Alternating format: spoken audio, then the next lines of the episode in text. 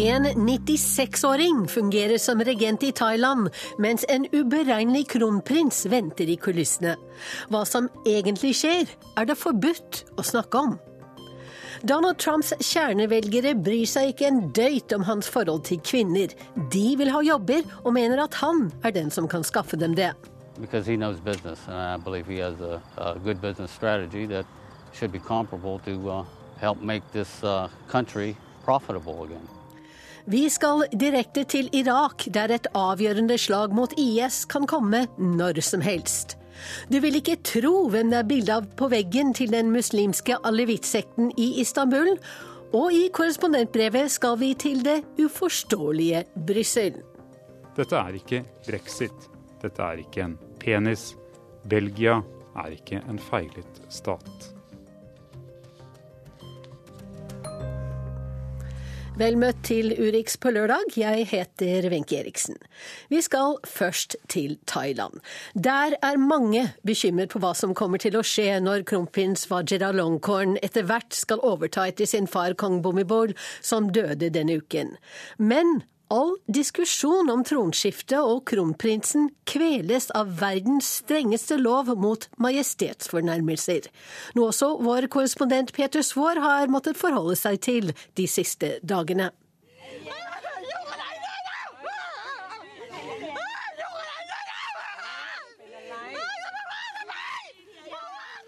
Det var et voldsomt øyeblikk å stå utenfor Sirrai-sykehuset her i Bangkok torsdag kveld, akkurat idet kongens død ble bekreftet fra offisielt hold. En forsamling på flere tusen mennesker gikk fra stillhet og bønn til voldsomme følelsesutbrudd i løpet av noen sekunder. Flere kollapset faktisk og måtte hentes av sykepleierne, som heldigvis ikke var så langt unna. Det var et av de øyeblikkene man forstår blir historiske. Kongens død blir et vannskille, også politisk, med ringvirkninger mange år fremover. Kong Bhumibol Aduladei har regjert i 70 år. Han har balansert sivile og militære makteliter mot hverandre. Og nå er han borte. Og ikke minst, i et land der militærjuntaen tok makten for to år siden, trolig også med denne dagen i bakhodet, er det mange spørsmål som reises, og som vi som rapporterer fra Bangkok ikke kan si noe om. For første gang har jeg denne uken måttet dekke en verdensbegivenhet med én hånd på ryggen. Mine kolleger i Oslo har fått beskjed om hvilke spørsmål jeg ikke kan svare på. Det er realiteten i Thailand med verdens strengeste lover mot majestetsfornærmelser, der alle spørsmål om arverekkefølge og egnethet kan gi 15 år lange fengselsstraffer om ordene dine faller ned på gal side av den røde streken. Og hvor går egentlig den røde streken? I don't know. I mean, that's part of the problem. You just don't know where it is. Jeg vet ikke, og det er en del av problemet, sier den amerikanske akademikeren David Streckfuss. Og han har faktisk skrevet bok om loven om majestetsfornærmelser, og har 30 år bak seg i Thailand. It, it is only a political tool. I mean, there's no, there's no neutral use of it because it's being used with an institution that's a public, a kind of public institution, which some people say should be held under scrutiny. Loven er utelukkende et politisk verktøy. Det er ingen nøytral definisjon av den. Og den blir brukt for å beskytte en kongelig institusjon som noen sier at bør bli gransket, mens andre sier institusjonen er opphøyet over politikk og ikke bør kommenteres overhodet. As things worsen, and I would, I would assume with a succession thing, things could worsen, um, those, the, that, the, the conflict between those two worldviews are going to become more pronounced. Jeg regner med at tronskiftet nå vil føre til at dette blir enda verre, og at disse to verdenssynene bare går enda lenger fra hverandre, sier han. Denne uken ble det kjent at kronprinsen ikke vil la seg krone umiddelbart, ifølge en uttalelse fra statsministeren her. Han trenger tid til å sørge, blir det sagt, og det har ikke akkurat minsket en usikkerhet om hvorvidt alt vil gå smidig for seg i tiden som kommer. Um, and so, uh, as every hour passes, um, and that's not resolved, you know, questions, doubts will be raised about whether something else is at play here. For hver time som går uten at kunngjøringen kommer, er det åpenbart at usikkerheten vil øke om hvorvidt det er noe annet som er på gang, sier Streckfuss. Før han griper seg og lurer på om dette intervjuet nå er innenfor eller utenfor den usynlige røde streken som ingen vet akkurat hvor går, men som vi alle føler på mens historien skrives her i Bangkoks gater. National Peace and Order maintain, Maintaining Council will strictly adhere to the monarchy.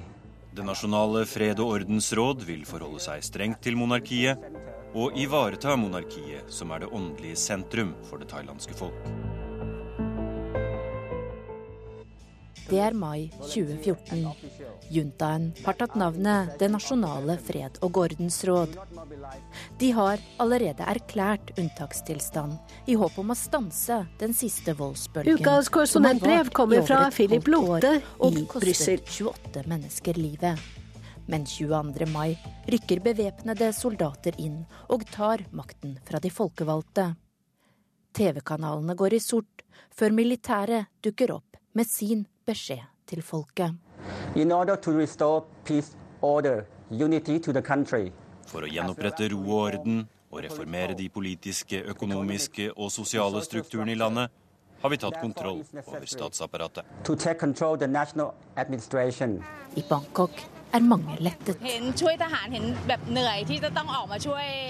Vi er glade for militærkuppen, og kan vi føle oss trygge, sier to damer til NRKs korrespondent. Han treffer dem i Bangkok, hvor de har tatt med matpakker til soldatene, som er i gang med oppryddingen etter flere måneder med demonstrasjoner og blodige sammenstøt. Det siste basketaket mellom rød- og gulskjortene startet høsten 2013, da statsminister Yingluk Shinawatra la et nytt lovforslag på bordet. Det innebar bl.a. amnesti for hennes storebror, tidligere statsminister Taksin, som selv ble styrtet under et kupp i 2006, og siden dømt til fengsel in absentia for maktmisbruk og korrupsjon. Yingluk svarte på uroen ved å utlyse nyvalg i 2014. Demonstrantenes leder Sutep Taug-Subang trakk tusenvis av mennesker med tordentalene sine i hovedstaden. Hvis vi vinner, vil Thailand se lyset. Barna vil få en fremtid, og det vil ikke lenger være noen politikere som kan såre våre følelser og ødelegge våre liv. Men Sutep snakket ikke for flertallet, og det visste han. Han tilhører eliten, de såkalte gulskjortene som har likt å kle seg i kongehusets farge og bruke kong Bumibol for alt hva han er verd, som motsats til dem de anser som korrupte politikere. Familien Shinawatr har derimot sterk oppslutning hos folket, bl.a. hos bøndene i nord og de fattige, som under Taksins regjeringstid opplevde at hans politiske og sosiale reformer hjalp dem. Det var ventet at rødskjortene ville sikre Yingluck seieren også i nyvalget. Men opposisjonen valgte til sist å boikotte det og fortsette demonstrasjonene. Verden holdt pusten. One of Asia's largest cities is in danger of sliding into paralysis tonight after tens of thousands of protesters took to the streets of Bangkok. There are genuine fears of the country slipping into civil war. Frykten for borgerkrig preget overskriftene, helt til militæret grep inn i mai. Men langt fra alle jublet. Han er en tyv i uniform. Dette er ikke slutt ennå, for folket er ikke enige med kuppmakerne. Vi vil ha valg. Dette er rent tyveri, sa en mann i Bangkok til NRKs korrespondent i mai 2014. Men militæret våget ikke løsne grepet. De fryktet kong Bumibols dager var talte. Mannen som har sørget for samhold i landet gjennom 70 år, og ved gjentatte anledninger har brukt militære grep for å stanse politisk uro. Hevet over all kritikk, beskyttet av lovene om majestetsfornærmelser. Fremfor nyvalg foreslo juntaen i år en grunnlovsendring for å utvide sin makt noe folket ble bedt om å ta stilling til under en folkeavstemning i august. Det fikk Taksin til å ta bladet fra munnen og gi et sjeldent intervju til Financial Times i Singapore i februar. I've been quiet for too long, and some a lot of negative rumor against me is too much. all the allegation is politically motivated. Taksin mener at korrupsjonsanklagene mot ham er politisk motivert og brukes for å styre landet i en stadig mer autoritær retning. If they're worried about me and they have to draft the entire constitution to, against me, Hvis de er så bekymret for meg at de endrer Grunnloven, vil det få store følger for fremtiden, for muligheten til økonomisk vekst og til å tjene folket, advarte Taksin, som selv ikke har våget å sette fot i Thailand siden 2008. Men i høst stemte folket for grunnlovsendringen og ga militærregimet utvidet makt. Frykten for alternativet var kanskje større for kongens død har utløst mer enn sorg. Angsten for det de ikke kan snakke om, preger dem nå. Ryktene om kronprinsens temperament, økonomi og forhold til kvinner. Lever han ikke opp til gulskjortenes forventninger, kan deres retorikk falle på stengrunn. Kronprinsens nære forhold til nettopp tidligere statsminister Taksin gjør også eliten bekymret. Smilets land har nådd vendepunktet. Spørsmålet er hvor lenge de klarer å holde masken. Og det var Charlotte Bergloff om den usikre politiske situasjonen i Thailand. Og inntil videre skal altså en 96 år gammel tidligere statsminister sitte på tronen inntil kronprinsen er klar. Thailand er kanskje ikke en stormakt, men det er i hvert fall et land av en viss betydning i Sørøst-Asia. Og jeg har stilt seniorforsker ved Prio, Stein Tønneson, dette spørsmålet. Hvilke av Thailands naboer er det som følger ekstra godt med på det som skjer der nå? Ja, Det vil jeg vel tenke meg kanskje er de nærmeste naboene. Kambodsja i øst, som har en grensestrid med Thailand, hvor det har vært kamper relativt nylig, men ikke de aller siste årene under militærstyret. De vil være bekymret for en situasjon som kunne føre til konflikt igjen. Og så er det Malaysia i sør, som er sterkt interessert i hvordan Thailand behandler den malai-muslimske minoriteten i sør, som har hatt et opprør gående siden begynnelsen av 2000-tallet. Og så er det nok Myanmar i nord, som på en måte har et felles problem med Thailand i det å håndtere forholdet mellom sivile og militære myndigheter og som dessuten har veldig mange gjestearbeidere som arbeider i Thailand, og som er avhengig av sine inntekter derfra. Kan denne nye kongen, som nå er kronprins, eh, bli en sikkerhetsrisiko for Thailand? Jeg tror vel kanskje at sikkerhetsrisikoen ligger allerede i det at man har et militærstyre i landet. Eh, det har allerede svekket Thailands eh, utenrikspolitiske innflytelse og dets rolle i eh, den sørøstasiatiske samarbeidsorganisasjonen ASEAN. Først ble det svekket av masse indrepolitisk strid, og så av at du har et militærstyre med lite internasjonal prestisje. Nå får du altså en konge som også har lite prestisje, så det vil kanskje bare gjøre dette ytterligere problematisk.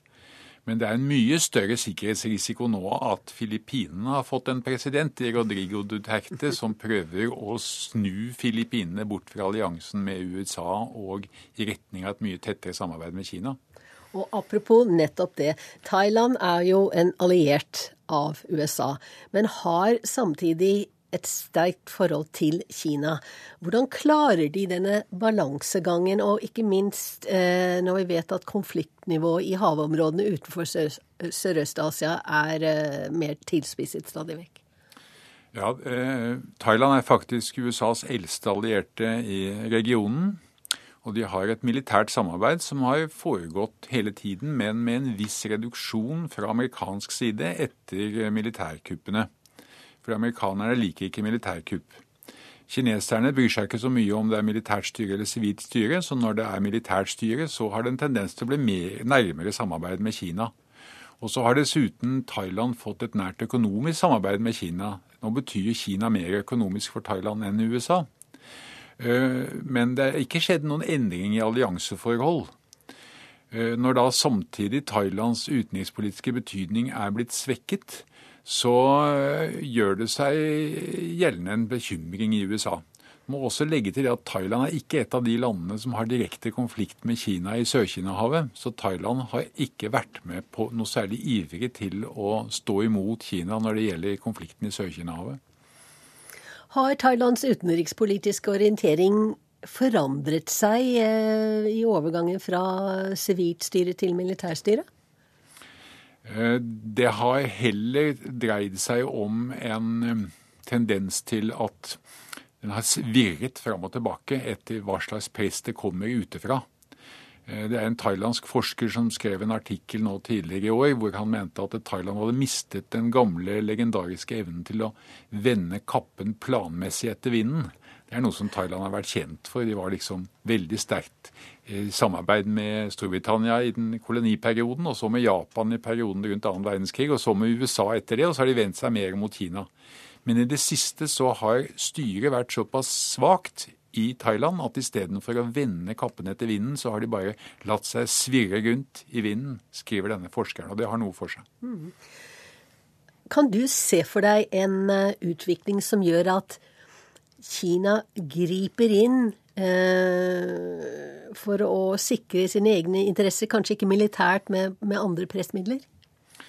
Det Kina først og fremst gjør, er å knytte politikk til økonomisk eh, hjelp og eh, investeringer. Og Kina er sterkt interessert i å utvikle infrastruktur, veier, jernbaner, skipsruter, som knytter Sørøst-Asia opp mot Kina. Og det å få kommunikasjoner der ned gjennom Laos og Myanmar til Thailand er viktig for Kina. Vi vet også at Kina har brukt økonomiske pressmidler politisk, f.eks. overfor Filippinene tidligere. På et tidspunkt hvor de hadde en konflikt i Sør-Kina-havet, så var det plutselig slutt på den kinesiske bananimporten fra Filippinene. Så Thailand må trå forsiktig her, da, hvis de skal holde seg eh, venner med Kina? Ja, Spørsmålet er om de klarer å få en regjering som i det hele tatt klarer å trå planmessig. Fordi eh, militæret har ikke så veldig stor kompetanse når det gjelder verken økonomisk styring eller utenrikspolitisk styring. Det de har kompetanse i, er først og fremst å holde befolkningen under kontroll. Og Det kan være at det blir det som de må konsentrere seg om nå fremover også. De har altså et opprør i sør. Og de har en befolkning som i det ene valget etter det andre har stemt på et parti og en leder, Taksin Shinawatra, som de militære absolutt ikke vil at skal få lov til å ha makten sa altså Stein Tønneson.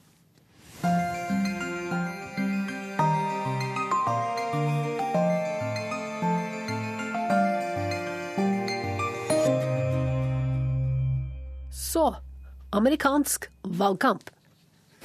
Er du klar? Ja?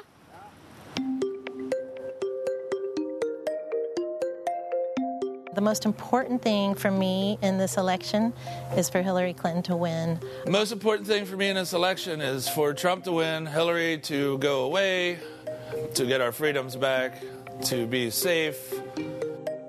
Er amerikanerne sinte på hverandre? Eller er de bare redde? The most important thing right now um, for me is to um, build community. The most important part of the election for me is the immigration issues and education. Jeg lurer på hva folk tenker om hverandre. Um, just the fact that they've always called us minorities. There's no such thing as equal opportunity in this country as it currently stands. Well, all those kids that we weren't allowed to spank and, and discipline are now all these whiny people voting for Hillary. Og vi skal altså besøke seks forskjellige amerikanere på forskjellige steder i landet i løpet av én uke. So I think we need a leader like Donald Trump to go into Washington and bang some heads. I've seen people come out with swastika signs. You're not going to tell me he's not a racist. Jeg lurer på om det er sånn at folk i USA er mer uenige enn de har vært på mange tiår foran dette valget. I see the United States as a, oof, how do I want to say this, a paternalistic beast. Quit whining, quit whining. Life's too short to whine and worry about what your neighbor's doing. Enjoy your life. If you don't like it, just leave us alone. That's all. Ja, til slutt her Dan Kool-Aid Hess, en av velgerne du skal bli kjent med i den nye Urix-serien Splitta. Korrespondent Tove Bjørgaas' møte med den jevne eller ujevne amerikaner i et splittet USA ser du første gang på TV i Urix mandag kveld. Men her og nå skal vi til Ohio, en av vippestatene som kan komme til å avgjøre valget 8. november. Der handler valgkampen først og fremst om økonomi, for Ohio har mistet hundretusenvis av arbeidsplasser i bil- og stålindustrien. Hillary Clinton. We believe honest work deserves honest pay. We believe everyone should have the right to join a strong union that will always have your back. Vi mener at ærlig arbeid fortjener en ærlig lønn, og vi mener at alle har rett til å slutte seg til en sterk fagforening. Det er personlig, sa Hillary Clinton, og fortalte de frammøtte i bilfabrikkbyen Toledo i Ohio om bestefaren som var fabrikkarbeider i nabostaten. I flere uker hadde Donald Trump en knapp, men stabil ledelse på meningsmålingen i Ohio. Det ville Clinton ha slutt på. Derfor snakker hun nå arbeidernes sak.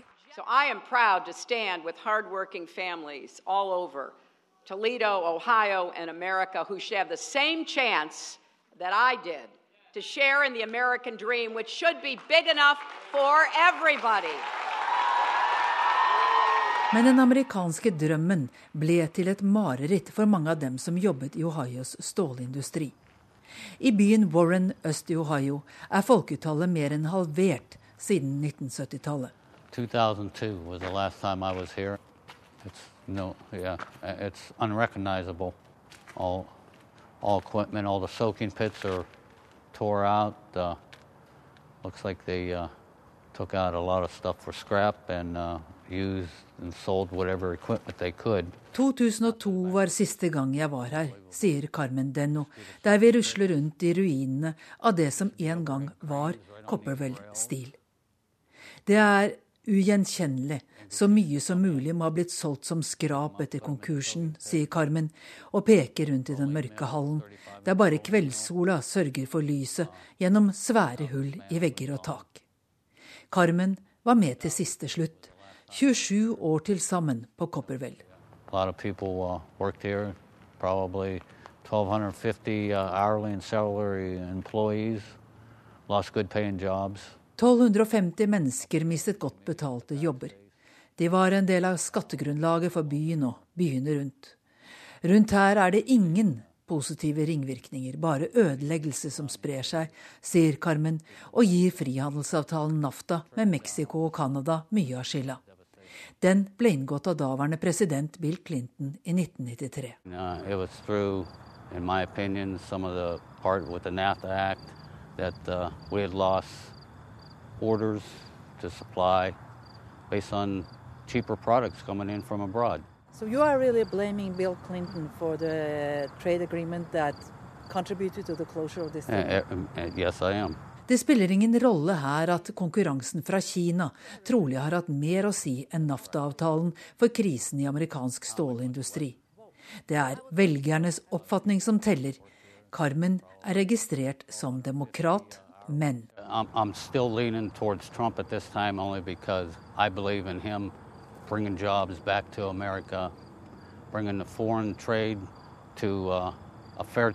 Den tidligere fagforeningsmannen har altså tenkt å stemme på Trump. Som advokatassistent tjener han i dag åtte dollar mindre i timen enn han gjorde som stålarbeider i 2002, for 14 år siden. Han er ikke alene. Reallønna har stagnert eller gått ned for store deler av USAs befolkning de siste 15 årene. Som president vil jeg beskytte dere mot konkurranse fra billig arbeidskraft, lovet Hillary Clinton på valgkampmøtet i Toledo, Ohio, sist uke. We're going to put in place a new exit tax. If companies try to leave our country to avoid paying their fair share, if they try to outsource jobs, they're going to have to give back every tax break they ever received in our country. Vi vil innføre en ny skatt, lovet Clinton. Selskaper som forsøker å forlate landet for å unngå å betale sin rettferdige andel, som forsøker å erstatte amerikanske arbeidere med billig arbeidskraft ute, vil måtte betale tilbake alle skattefordeler de noen gang har mottatt. Clinton sa også at hun ikke kommer til å skifte synspunkt og si ja til frihandelsavtalen for stillehavslandene, TPP, som Obama-administrasjonen har signert, men Kongressen har nektet å godkjenne. På den republikanske grasrota er nei til frihandel en stor sak.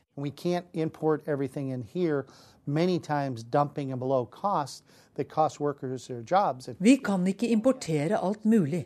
Mange ganger dumpes det varer til under produksjonskost. Og når folk ikke har jobb, så kan de verken kjøpe det som importeres eller det som lages her, sier Randy Law. Han er leder for det republikanske partiet i Trumbull fylke øst i Ohio. De opplever nå rekordstor pågang fra nye velgere.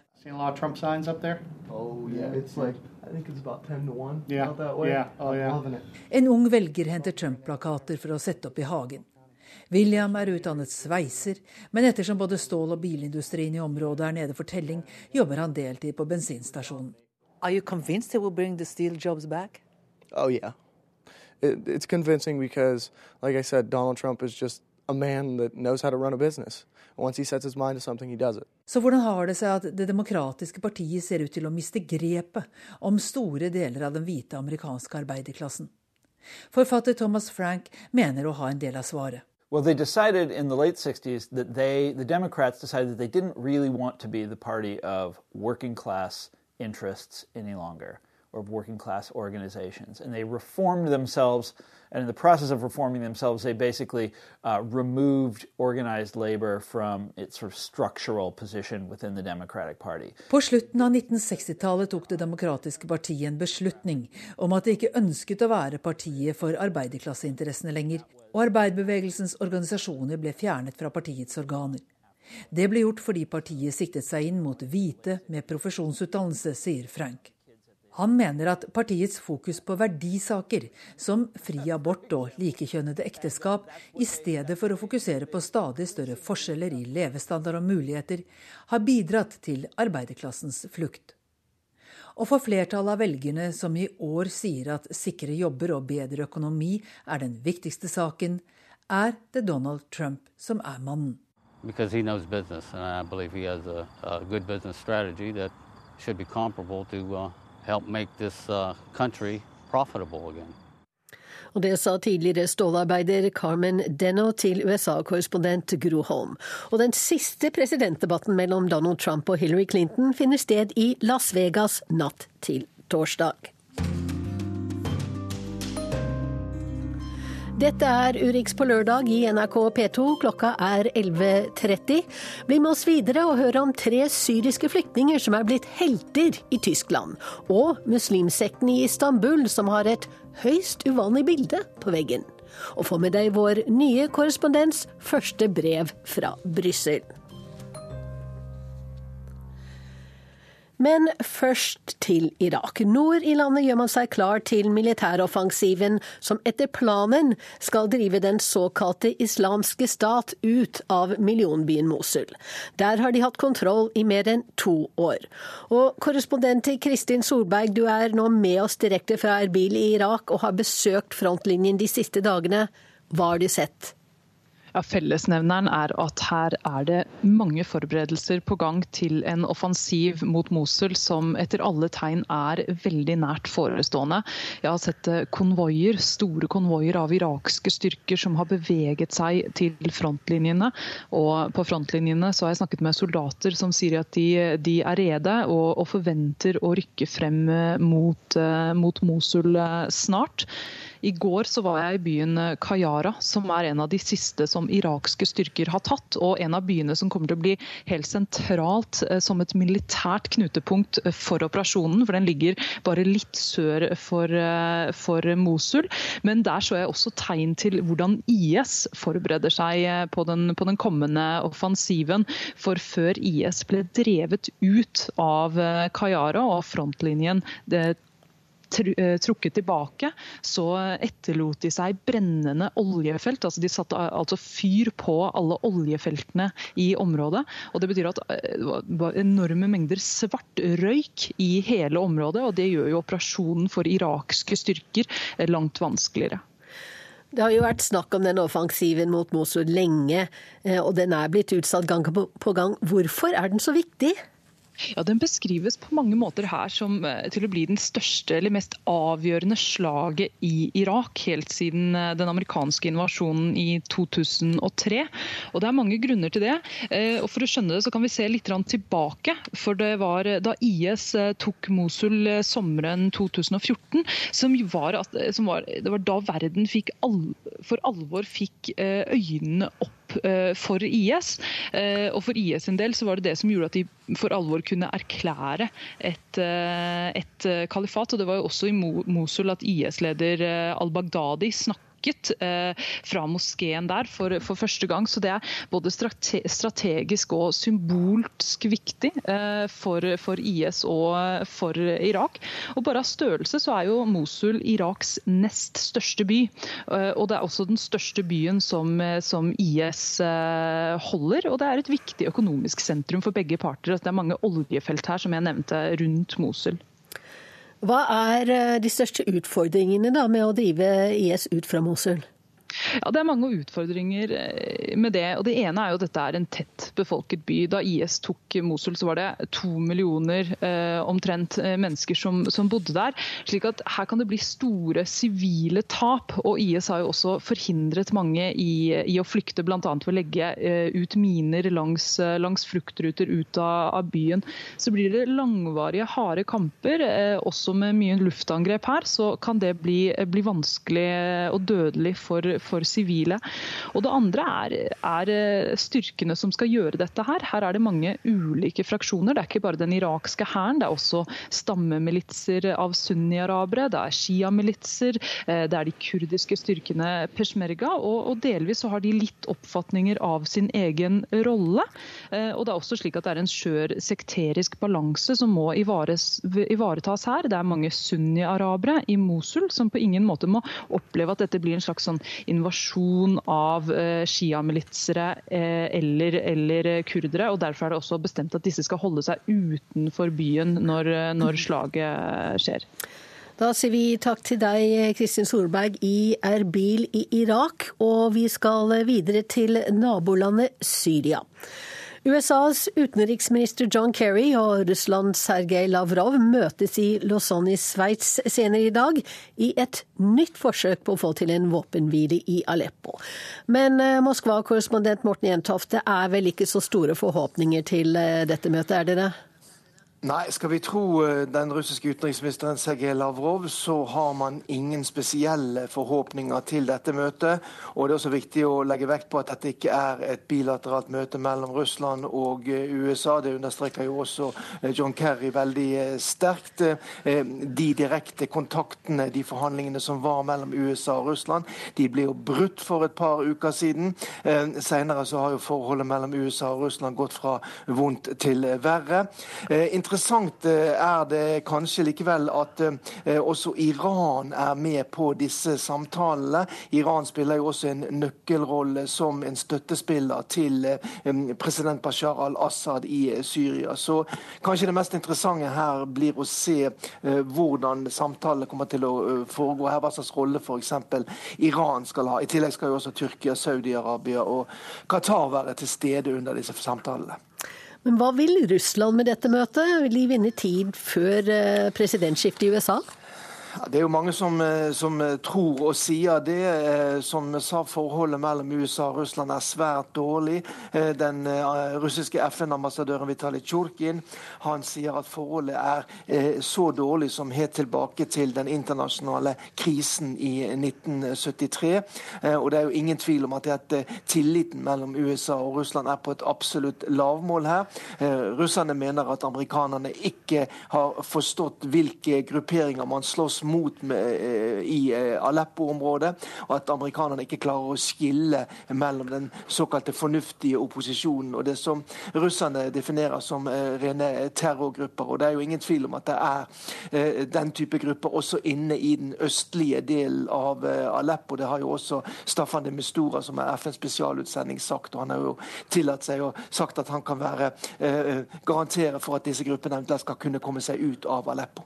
Kan du helt til slutt eh, Morten Jentoff, si eh, kort eh, hva som er den russiske strategien videre? Assad sa i går i et intervju med en russisk avis at, at krigen kommer til å fortsette.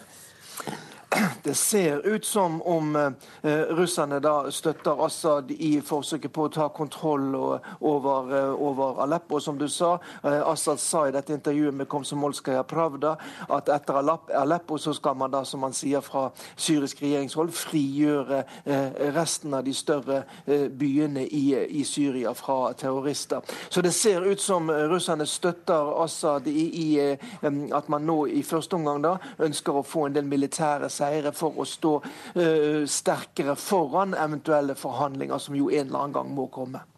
Takk skal du ha, Morten Jentoft. Kritikken hagler mot tysk politi og justismyndigheter i delstaten Saksen etter at en terrorsiktet klarte å ta sitt eget liv i politiets varetekt denne uka. Den 22 år gamle syriske flyktningen skal ha planlagt et angrep på en av flyplassene i Berlin, og han ble arrestert mandag. Men heller ikke arrestasjonen av ham kan politiet ta æren for. Den var det nemlig tre andre syriske flyktninger som sto bak. Det er ingen som har tatt syrerne så velkomment imot som Tyskland. Derfor vil vi ikke at noe trist skal skje her, sier Mohammed A. Flyktningen fra Syria sitter med grå hette og ryggen til kamera. Anonymt forteller han historien sin til nyhetsbyrået Reuters. Historien om hvordan han og to kamerater sannsynligvis avverget et terrorangrep mot en av flyplassene i Berlin denne uka. Det startet lørdag. Da fikk han en melding via et nettsted for syriske flyktninger. Han ble spurt om han hadde overnattingsplass i leiligheten i Leipzig.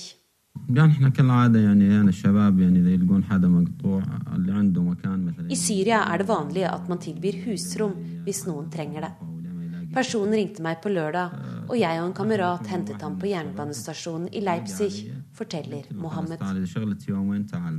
Det de ikke visste da, var at mannen de hadde gitt husly, var Jaber al-Baker. Etterlyst over hele Tyskland for å ha planlagt et terrorangrep etter at politiet fant store mengder sprengstoff i leiligheten hans, og mistenkt for å ha tilknytning til terrorgruppa IS.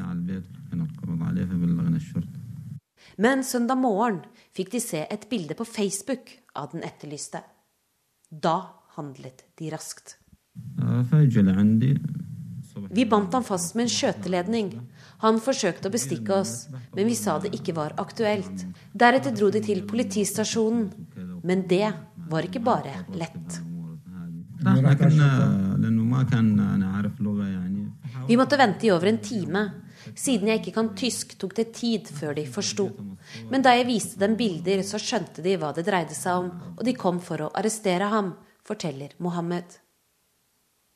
De syriske flyktningene er nå utropt som helter her i Tyskland, og flere har tatt til orde for å gi dem fortjenestemedalje. Men noen som ikke blir utropt som helter, er politi- og justismyndighetene i delstaten Saksen. For onsdag kveld klarte den arresterte Jabra al-Baker å ta livet sitt i politiets varetekt. Hvordan kunne det skje med han som burde ha vært Tysklands best bevoktede fange akkurat nå? Og politiets svar på pressekonferansen torsdag? Äh, var ruhig, var sachlich, gab also keine Hinweise auf irgendwelche Han var rolig. Psykologen mente at det ikke var tegn til at han ville begå selvdrap. Derfor ble han heller ikke kontinuerlig overvåket, kun sett til hver halvtime. Tysk etterretning har nå mistet kilden til å finne ut hva slags terrorangrep som var planlagt, og også en mulig mulighet til å kaste lys over terrorfaren ellers i landet, mener kritikerne.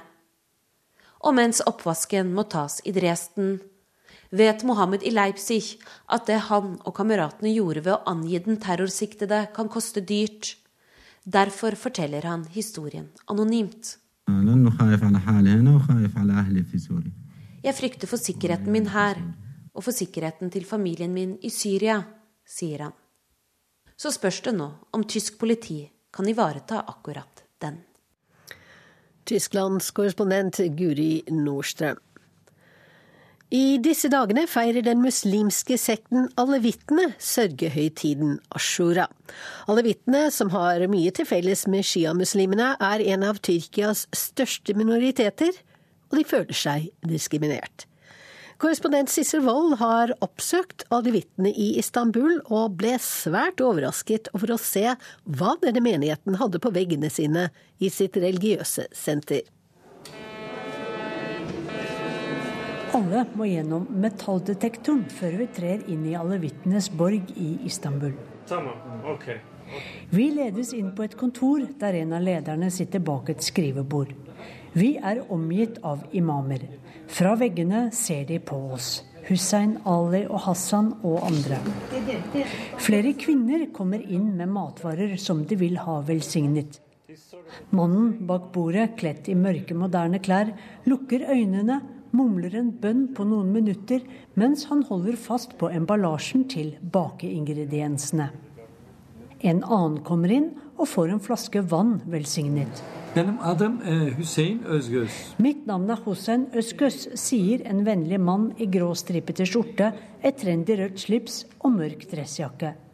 Jeg er DD her, leder, og jeg er en direkte etterkommer av profeten Mohammed og hans fetter og svigersønn Ali, forklarer han. Helt siden slaget ved Karbala i år 680 har de undertrykket oss. Og det er fortsatt vanskelig å være alevitt i Tyrkia i dag, for myndighetene anerkjenner ikke vår form for islam, og de anerkjenner ikke våre gudshus, sier Øskøs oppgitt. I 2012 sa nåværende president Erdogan at det religiøse senteret vi er i nå, ikke har de rette byggetillatelsene. Men vi betaler skatten vår, og vi vil gjerne ha statsstøtte og bli anerkjent, sier alevittlederen. Alawittene har mye til felles med shia-islam. Begge retninger tror på en annen arvefølge etter profeten Mohammed enn det sunnimuslimene gjør. I Tyrkia teller alawittene rundt 15% av befolkningen. Noe som har opprørt dem denne sommeren, er navnet på en ny bro. Tusenvis av røde ballonger fylte himmelen da den tredje broen over Bosporosstredet, Yavuz Sultan Selims bro, ble innviet av president Erdogan i august. Men alle vitnene jublet ikke. For dem er sultan Selim en ond mann. At broen ble oppkalt etter en sultan som drepte mellom 60 og 70 000 alevitter, ja, det var som å gi oss et dolkestøt i hjertet. Hussein Øskøs rister på hodet. Vi foreslo at broen kunne kalles opp etter en person som står for et fredelig budskap. En kvinne kledd i svart vil også si noe. Navnet på broen sårer oss veldig, sier Fadiha. De, altså sunnimuslimene, forsøker å sende et budskap til oss med dette, sier hun før hun går inn i bønnerommet der mannen som tidligere velsignet mat, nå spiller gitar og synger. Vi går etter. Vi kommer inn i en stor sal som i en moské. På veggen ser de tolv imamene på oss, og Øskøs ramser opp rekkefølgen. Imam Ali, Imam Hassan, Imam Hussein. I islam er det forbudt å portrettere hellige menn, så hvordan er det mulig her? Disse portrettene er malt av ikke-muslimer, forklarer Hussein Øskøs. Og de er gjengivelser. De har samme funksjon som kristne ikoner, og setter folk i en spesiell stemning. Vår vert låser oss inn i et gedigent møterom. Han vil vise oss noe her. Rommet oser av historie, med tunge, lakkerte tremøbler. Øskøs stanser ved et stort maleri. To hellige menn står omringet av skyer. Blikkene deres er festet på noe langt borte, som mot evigheten. Det er profeten Mohammed, sier Øskøs og peker. Uh, but this is the prophet Muhammad? Yeah, representation of him. A representation? Isa Messiah. Yeah. But I, I thought that was uh, for, forbidden. Men er ikke det strengt forbudt å male portrett av ham? Øynene hans ser mot himmelen, mot Gud. Så lenge det er gjort på den måten, er det greit, mener han. Med karikaturstriden friskt i minne blir jeg urolig av å se på dette portrettet. Selv om dette selvsagt ikke er noen karikatur, men et vakkert bilde. Men er det ikke farlig å vise bilder av profeten, spør jeg. Under normale omstendigheter blir det oppfattet som farlig, ja. Men dette bildet er laget av en student fra Iran som har tillatelse til å male portretter av profeten etter konsultasjoner med eksperter, forklarer Hussein Øskus.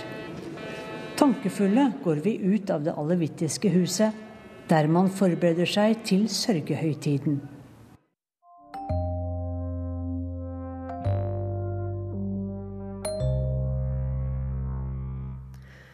Det er ikke helt enkelt å bli klok på Brussel, eller på Belgia for den saks skyld.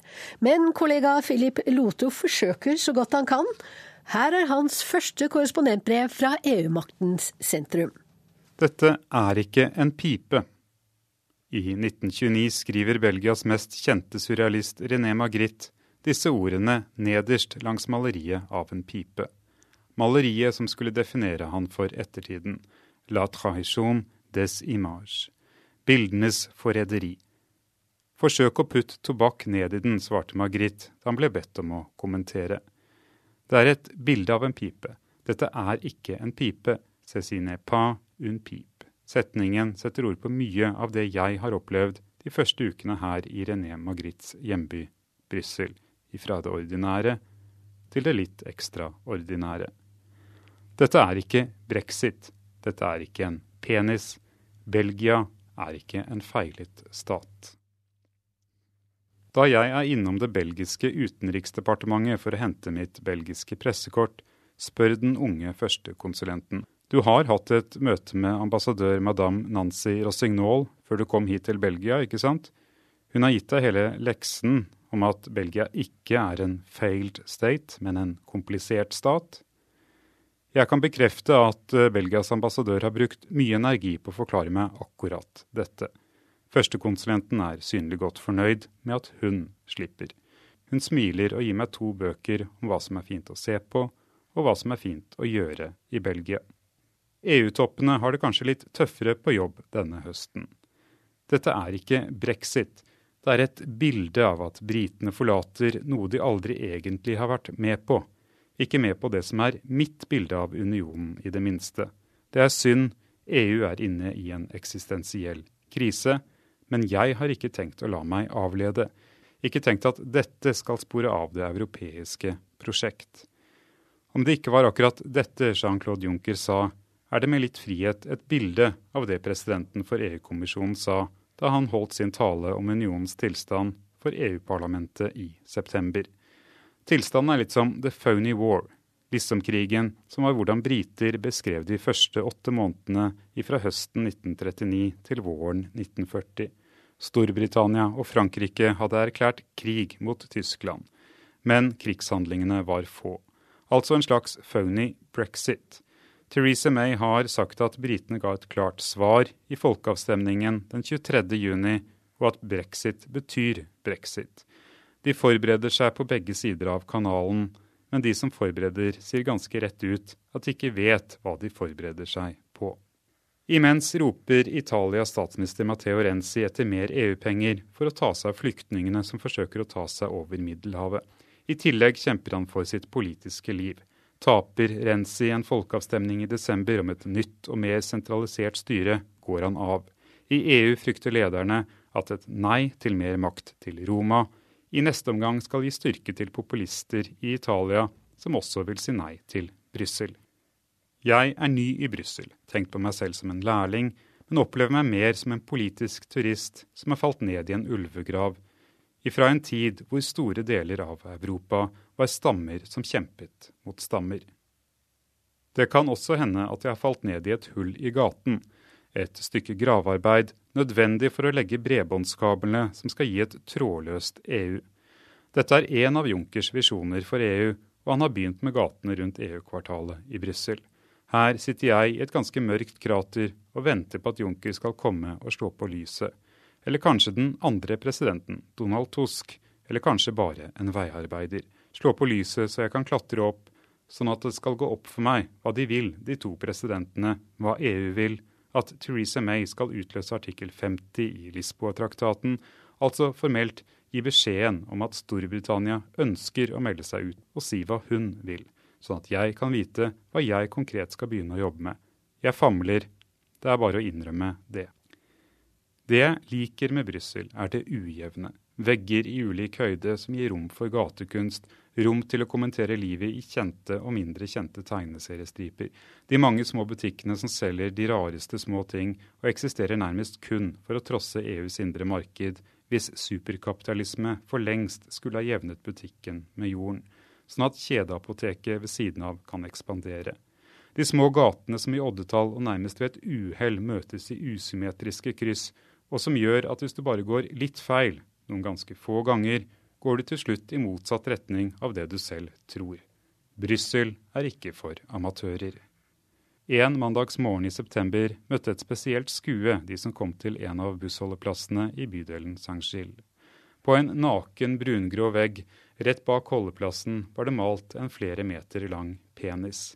Kun en egnet vegg for et stykke illegal kunst, eller et pek mot den katolske jenteskolen på den andre siden av veien. Den vakte mye latter, men dette er selvsagt ikke en penis. Det er et bilde av en penis, og som er bestemt fjernet av bykommunen. Borte om noen uker, det som blir igjen, er bilder, mange av dem selfies, av bildet som ikke er en penis. Penisen må bort. Veggmaleriet 'penetrasjon' i bykommunen ved siden av forbli.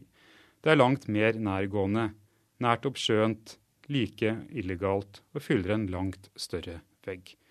Brussel er som en miniatyr av Belgia, delt og styrt etter språk og en evig søken etter en balanse mellom det flamske og det franske. Byen har en president og fire ministre, hvorav to skal være fransktalende og to være flamsktalende. Under dette nivået er det igjen 19 bykommuner. Hva som er lov i én bykommune, er ikke nødvendigvis like greit i kommunen ved siden av. De kan bli tilgitt, de som tenker at belgierne kanskje er glade for EU og direktivene, som alle må følge. Regjering som byregjering og bykommune.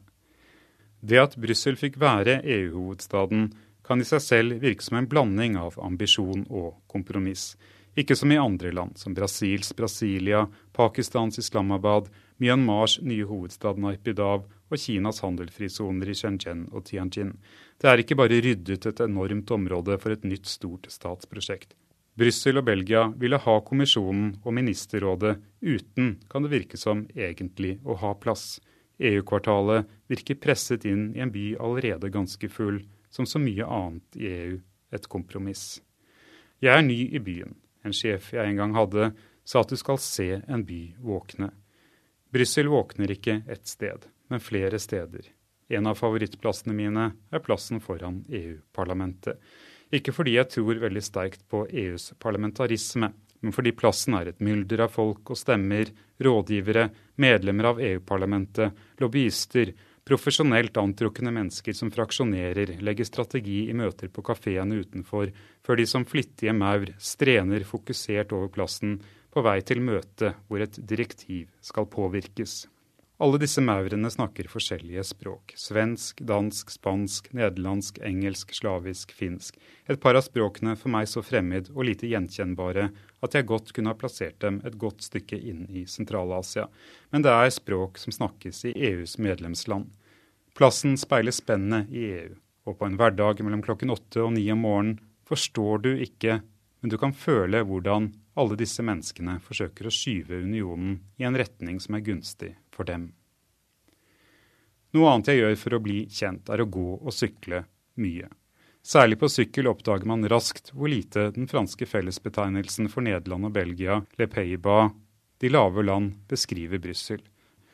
Brussel ligger høyt og lavt, i bakker. Du kommer tettere på folk når du går og sykler. Du får et glimt av levestandarden på Brussels ulike nivåer. Du kommer også nærmere soldatene i gaten. De fraktes rundt i militærlastebiler som ennå bærer klistremerkespor fra tiden da de ble brukt som en del av KFOR-styrken i Kosovo. Soldatene ble utplassert etter terroren i Paris 13.11. i fjor, men forhindret ikke terroren i Brussel 22.3 i år. De er først og fremst et bilde på terrorbekjempelse. Un image, sier mange belgere. Tyveri og ran på åpen gate er det blitt langt mindre av, og utplasseringen av soldater er ikke upopulær. Men samtidig minner den Brussels innbyggere om at det ennå er en form for unntakstilstand i byen deres. Det er krise på mange nivåer, men folk har ikke all verden av tid til krise. Det er for mye som skal rekkes, ungene skal til førskole om morgenen, en barnevogn, bæreposer og alle jobbmappene skal stables bak i bilen før du raskt tar stilling til om du skal forsøke å slå rushet eller vente.